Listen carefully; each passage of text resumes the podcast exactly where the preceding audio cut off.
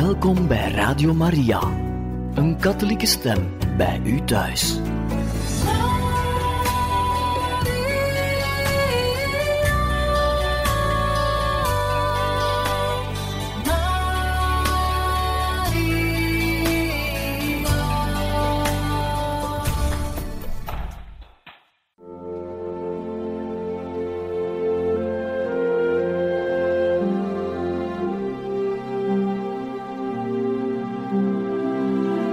Beste luisteraars van Radio Maria, welkom bij het programma Catechismus.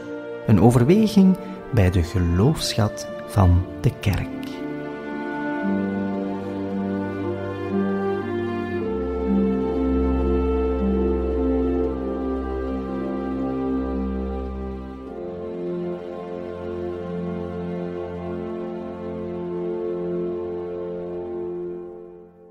Van harte welkom, beste luisteraars, in deze tweede uitzending in het programma Catechismus in een reeks over de Goede Week gegeven door zuster Greta van de gemeenschap Moeder van Vrede. Beste luisteraars van Radio Maria, in deze catechese gaan we een stapje verder in de Goede Week. In de vorige catechese hadden we het over Palmzondag, de, dagen maandag, dinsdag en woensdag en ook Witte Donderdag hebben we al onder de loep genomen. Nu zijn we gekomen aan Goede Vrijdag. En op Goede Vrijdag herdenken wij het lijden en de dood van onze Heer Jezus. In de meeste andere talen wordt deze dag Heilige Vrijdag genoemd. Bijvoorbeeld in het Frans zeggen we Vendredi Saint. Jezus stierf op die dag aan het kruis.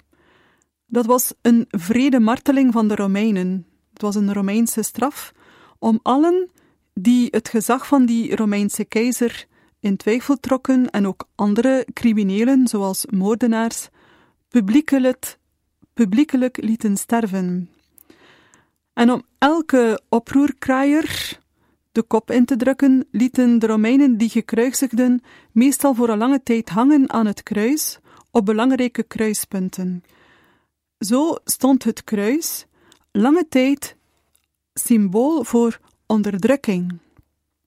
Een afschrikmiddel, zeg maar. Maar christenen, wij christenen, wij zien het kruis als een teken van redding. Ook Jezus heeft aan den lijve ondervonden wat het betekent om verstoten te zijn en verraden te worden door een vriend. Hij kende wanhoop, eenzaamheid en angst, maar zelfs in het meest extreme lijden was God aanwezig. En in het lijden dat wij als mensen moeten doorstaan, wil God eigenlijk tonen dat Hij met ons meegaat in het lijden en hij wil ons daarin ook de weg tonen naar de oplossing, naar de verrijzenis, naar de verheerlijking. Het lijden is nooit het einde. Nu, in de, in de liturgie van Goede Vrijdag weten we dat volgens de oudste traditie dat er op deze dag geen Eucharistieviering wordt gevierd. Het is een stille dag, een ingetogen dag, een geboden vastendag ook, waarbij wij ons in gebed en in vasten gaan verenigen met Jezus, die doorheen dat lijden en de kruisdood op ultieme wijze de wil van de Vader heeft volbracht. Goede Vrijdag is ook de eerste volle dag van het Paastriduum. Deze paasdriedaagse werd ingezet met de Eucharistieviering op de avond van Witte Donderdag. En zoals ik al in de vorige catechese heb gezegd, het vormt eigenlijk één geheel met Goede Vrijdag. De kruisdood van de Heer wordt herdacht vanuit het geloof van de verrijzenis. Want in dat perspectief, zonder dat perspectief van de verrijzenis, heeft het herdenken van het lijden eigenlijk geen zin. Het is de herdenking van de dood, die juist de overwinning op de dood is, die we gedenken.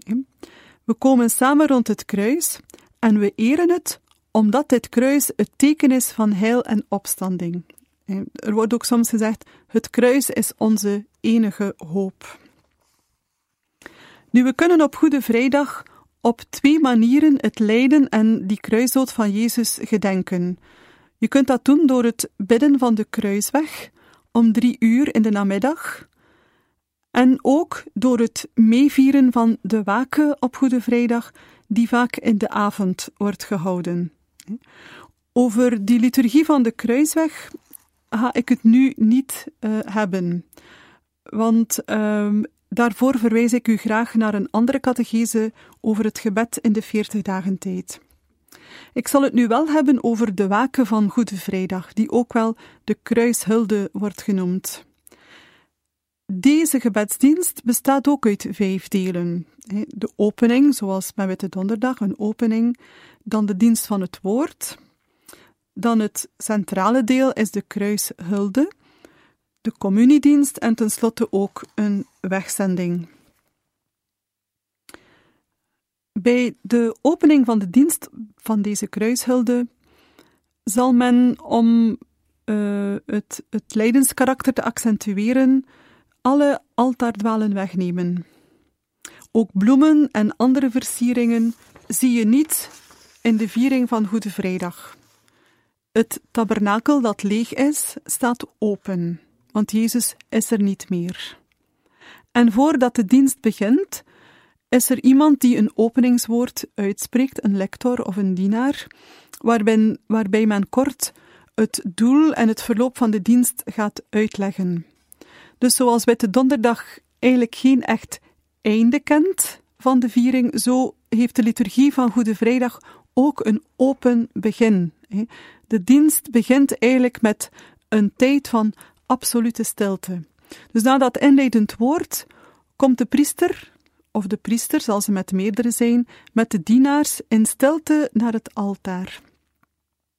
Ze buigen en ze gaan dan allen plat ter aarde gaan liggen. We noemen dat de prosternatie. Dus dit plat ter aarde liggen is eigenlijk een beeld van Jezus die als een graankorrel in de aarde is gevallen en is gestorven, om veel vrucht voor te brengen. Dus gedurende enkele ogenblikken liggen de priesters en de dienaars plat op de grond. De mensen staan recht en het is volledig stil. Dus dat is echt een zeer indrukwekkend moment van de viering. Wanneer de priester en de dienaren dan terug opstaan, dan gaat de priester naar de zetel en bidt dan een gebed. En daarna begint dan de dienst van het woord. En in deze woorddienst horen we hoe Jezus vrijwillig, vrijwillig het lijden op zich heeft genomen. En hij is niet gevlucht in het zicht van de dood. God heeft dan ook zijn onschuldige en lijdende dienaar verheven in de hemel en op aarde. In Jezus is het ons duidelijk geworden dat de dood geen eindpunt is, maar een overwinning. De eerste lezing uit de profeet Jesaja is het lied van de lijdende dienaar. En het hoofdthema is de werkelijkheid van het plaatsvervangende lijden. Het waren onze pijnen die hij droeg en onze smarten die hij op zich nam. Bijna lijkt het erop dat, het, dat er meer over ons dan over hem gesproken wordt. En een ander thema in deze lezing grijpt eigenlijk al vooruit naar het evangelie, namelijk de idee dat het sterven van die dienaar niet uitzichtloos is, dat dit lijden leidt tot verheerlijking en opstanding. De tweede lezing op deze avond komt dan uit de brief aan de Hebreeën. En ook hier zien we eenzelfde portret, maar dan een beetje een andere stijl. Hier wordt de taal en de woordenschat van het priesterschap gebruikt. En opmerkelijk is eigenlijk de onderlijning van de echte menselijkheid van Jezus. Christus is aan ons gelijk geworden. Onze beproevingen, onze angstkreten, onze tranen, ons menselijk lijden heeft hij doorstaan. Het gaat om het portret van een mens, hoewel hij ook Gods zoon was. Omdat hij iemand naast ons is, een mens zoals wij, beproefd zoals wij, kan hij ons ook begrijpen. Het is nu aan ons om hem te volgen in zijn goddelijke gehoorzaamheid. En dan zullen wij ook gered worden. En dan tenslotte in deze woorddienst horen we opnieuw het passieverhaal, een beetje zoals op Palmzondag, maar dan volgens uh, de evangelist Johannes. Het is niet louter een historisch verslag van een proces, want Johannes ziet eigenlijk al verder. Hij ziet reeds de verheerlijkte majesteit van de Heer. De gekruisigde wordt de levende, die leven geeft in overvloed. Ook hier wordt dit passieverhaal bij voorkeur in drie rollen voorgelezen: de verteller, de andere rollen en dan Jezus, die ook door de priester wordt gelezen. Een beetje zoals op Palmzondag. Het, het begint zonder voorafgaande introductie, zoals dat normaal is bij het evangelie. Het volk blijft zitten en staat pas recht wanneer de verteller daartoe uitnodigt. Dat is net voor Jezus sterft aan het kruis. Eventueel wordt deze lezing ook onderbroken door een lied. En dan, na het voorlezen van het passieverhaal, komen de voorbeden. En dat is wel op deze Goede Vrijdagdienst heeft dat een heel bijzondere aandacht. Want de kruisdood brengt eigenlijk hel voor de hele wereld. Dat geloven wij. En daarom gaan we aan de voet van het kruis de grote voorbeden aanbieden. Het kruis is niet alleen van Jezus sterft voor mij, maar veel meer Jezus sterft voor de hele wereld, ook voor hen die Jezus niet kennen of die Hem zelfs miskennen. En er wordt dan gebeden voor alle noden van de kerk en de wereld. De intenties worden eigenlijk als het ware aan de voet van het kruis neergelegd, opdat ook deze noden omgevormd worden tot verrijzenisverhalen. En er zijn tien voorbeden voorzien in deze dienst. Men gaat bidden voor de Heilige Kerk, dat is de eerste voorbede. Men gaat bidden voor de paus, de herder van de kerk. Men gaat dan bidden voor de priesters en alle gelovigen, dus de hele kerkgemeenschap. Voor de doopleerlingen, dus dat zijn degenen die zich voorbereiden op het doopsel. Men gaat ook bidden voor de eenheid van de, christ, van de christenen, ook een belangrijke intentie. Men gaat ook bidden voor het Joodse volk, van waaruit het christendom voortkomt. Voor allen die niet in Christus geloven, is ook een intentie. Voor allen die niet in God geloven. Voor hen die het land regeren, voor alle regeringsleiders en wereldleiders. En tenslotte gaat men ook bidden voor allen die in nood verkeren, welke nood die ook is. Dat is een lange opsomming van heel wat intenties die een lector formuleert, waarop een stilte volgt en dan de priester die dan telkens een gebed uitspreekt tot God. En tijdens die voorbeden gaan de gelovigen rechtstaan of knielen om nog met meer aandrang al die noden aan het kruis aan Jezus toe te vertrouwen.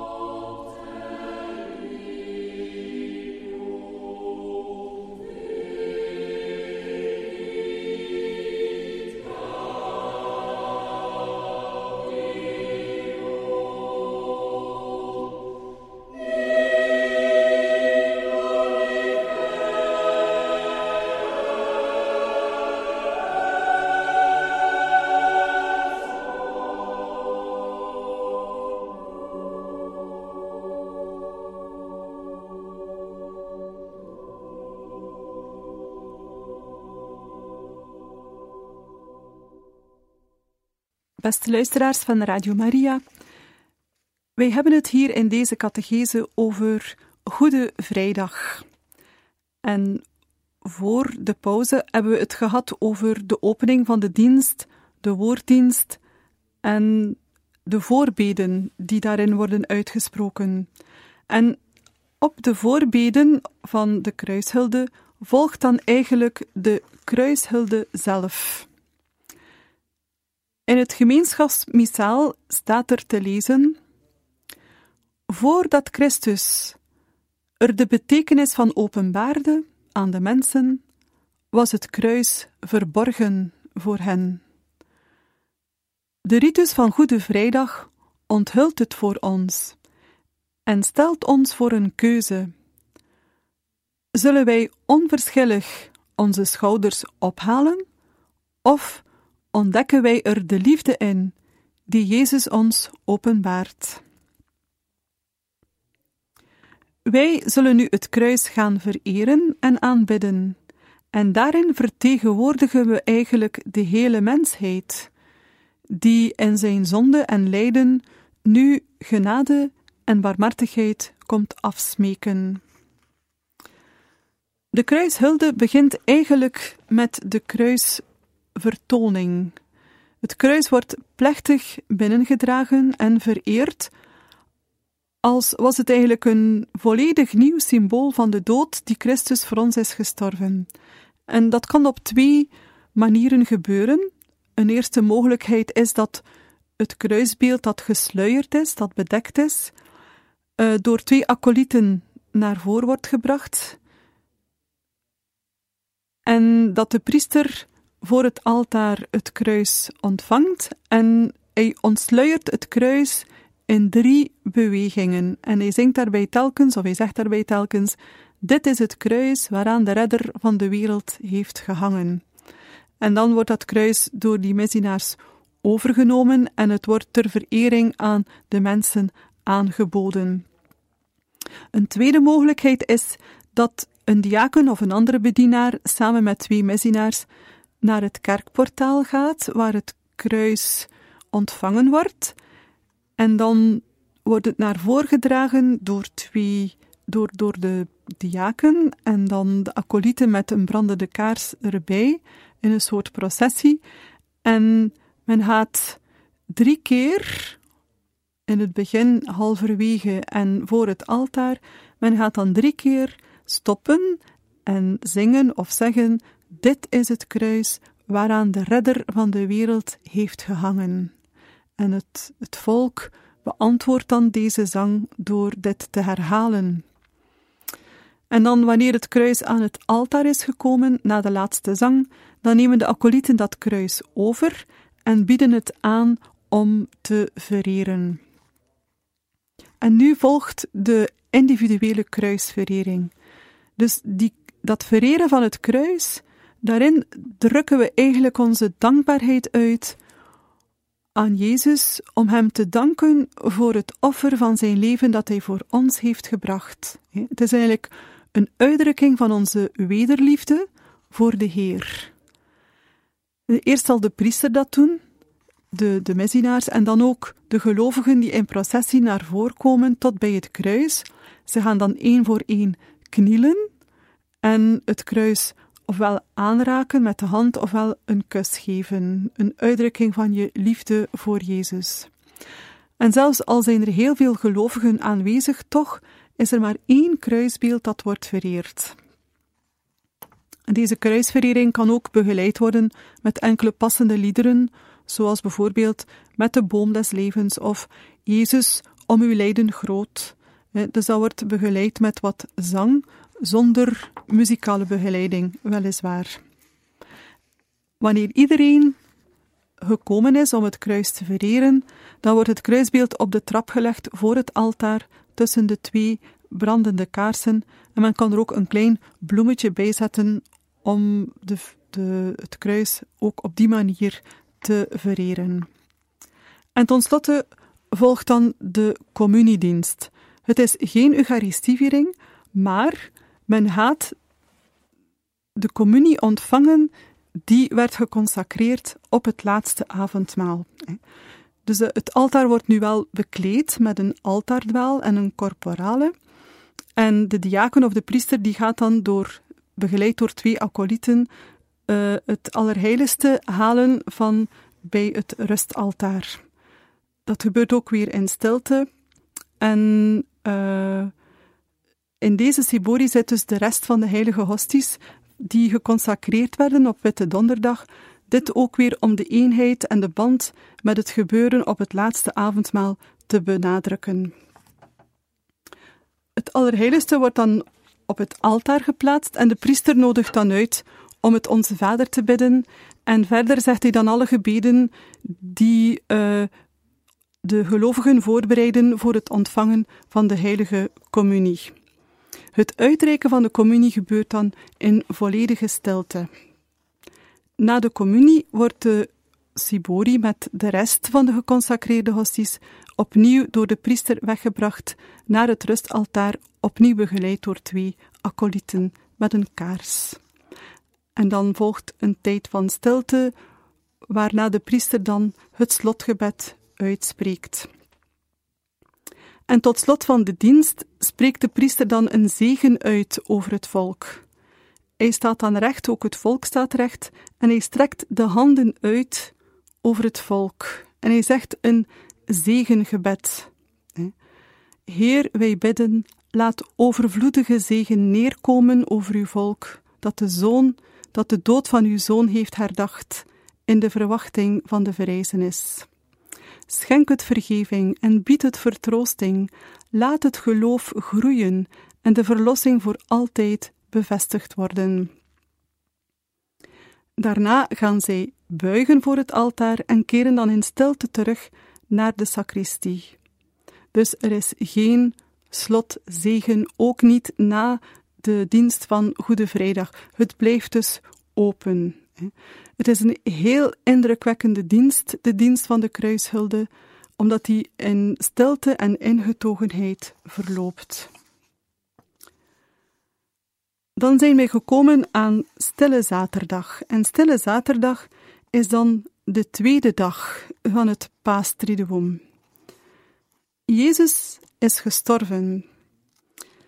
Met ingehouden adem draait de wereld nog wel door, maar toch is alles anders. Alles valt stil. Misschien is het af en toe wel nodig om stil te staan bij het lijden en de dood, om toe te geven dat er geen woorden voor zijn, dat we ons onmachtig voelen en dat we stilte, echte stilte laten zijn, als we waakzaam blijven in gebed, zoals Maria. Dan zal het gebeuren dat dit stille vertoeven in gebed een vruchtbare bodem wordt, waaruit nieuwe hoop, een nieuw begin kan groeien. Als de graankorrel niet sterft, kan ze geen vruchten voortbrengen. De priester Karel Ranner die zegt: Als we denken aan Stille Zaterdag, valt er iets merkwaardigs op. In ons godsdienstig leven slaan we deze dag over. We vieren Goede Vrijdag en Pasen, het sterven en de opstanding van de mensenzoon. Maar wat er tussen deze twee dagen ligt, namelijk Stille Zaterdag, dat slaan we over. Deze dag betekent niets in ons godsdienstig leven, in de catechismus van ons hart. En toch beleiden we, telkens als wij de geloofsbeleidenis uitspreken, hij is nedergedaald ter helle. Wat wordt daarmee bedoeld? Nedergedaald ter helle, ofwel nauwkeuriger, afgedaald in het dodenrijk. Het betekent op de eerste plaats: Jezus is waarlijk gestorven. Hij is met de mensen solidair geworden tot in de duistere afgrond van de dood.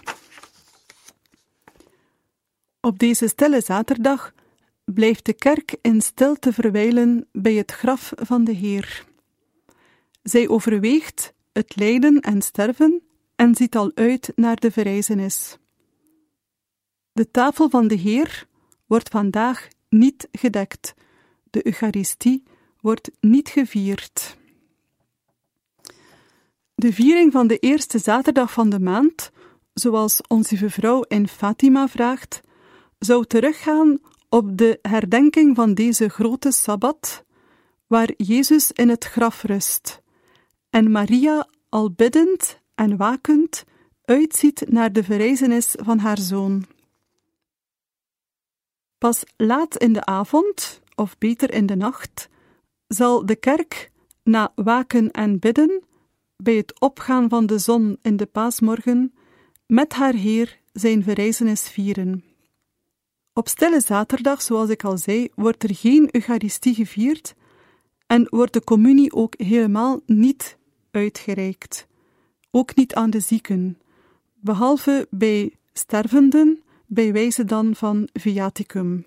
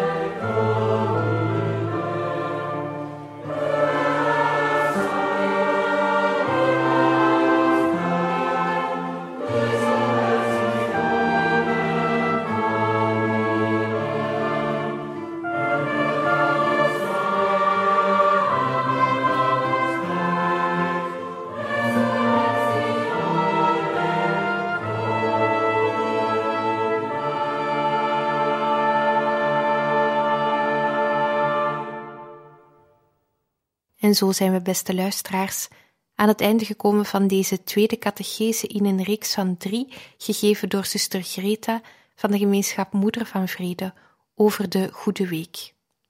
We wensen u nog een mooie dag toe.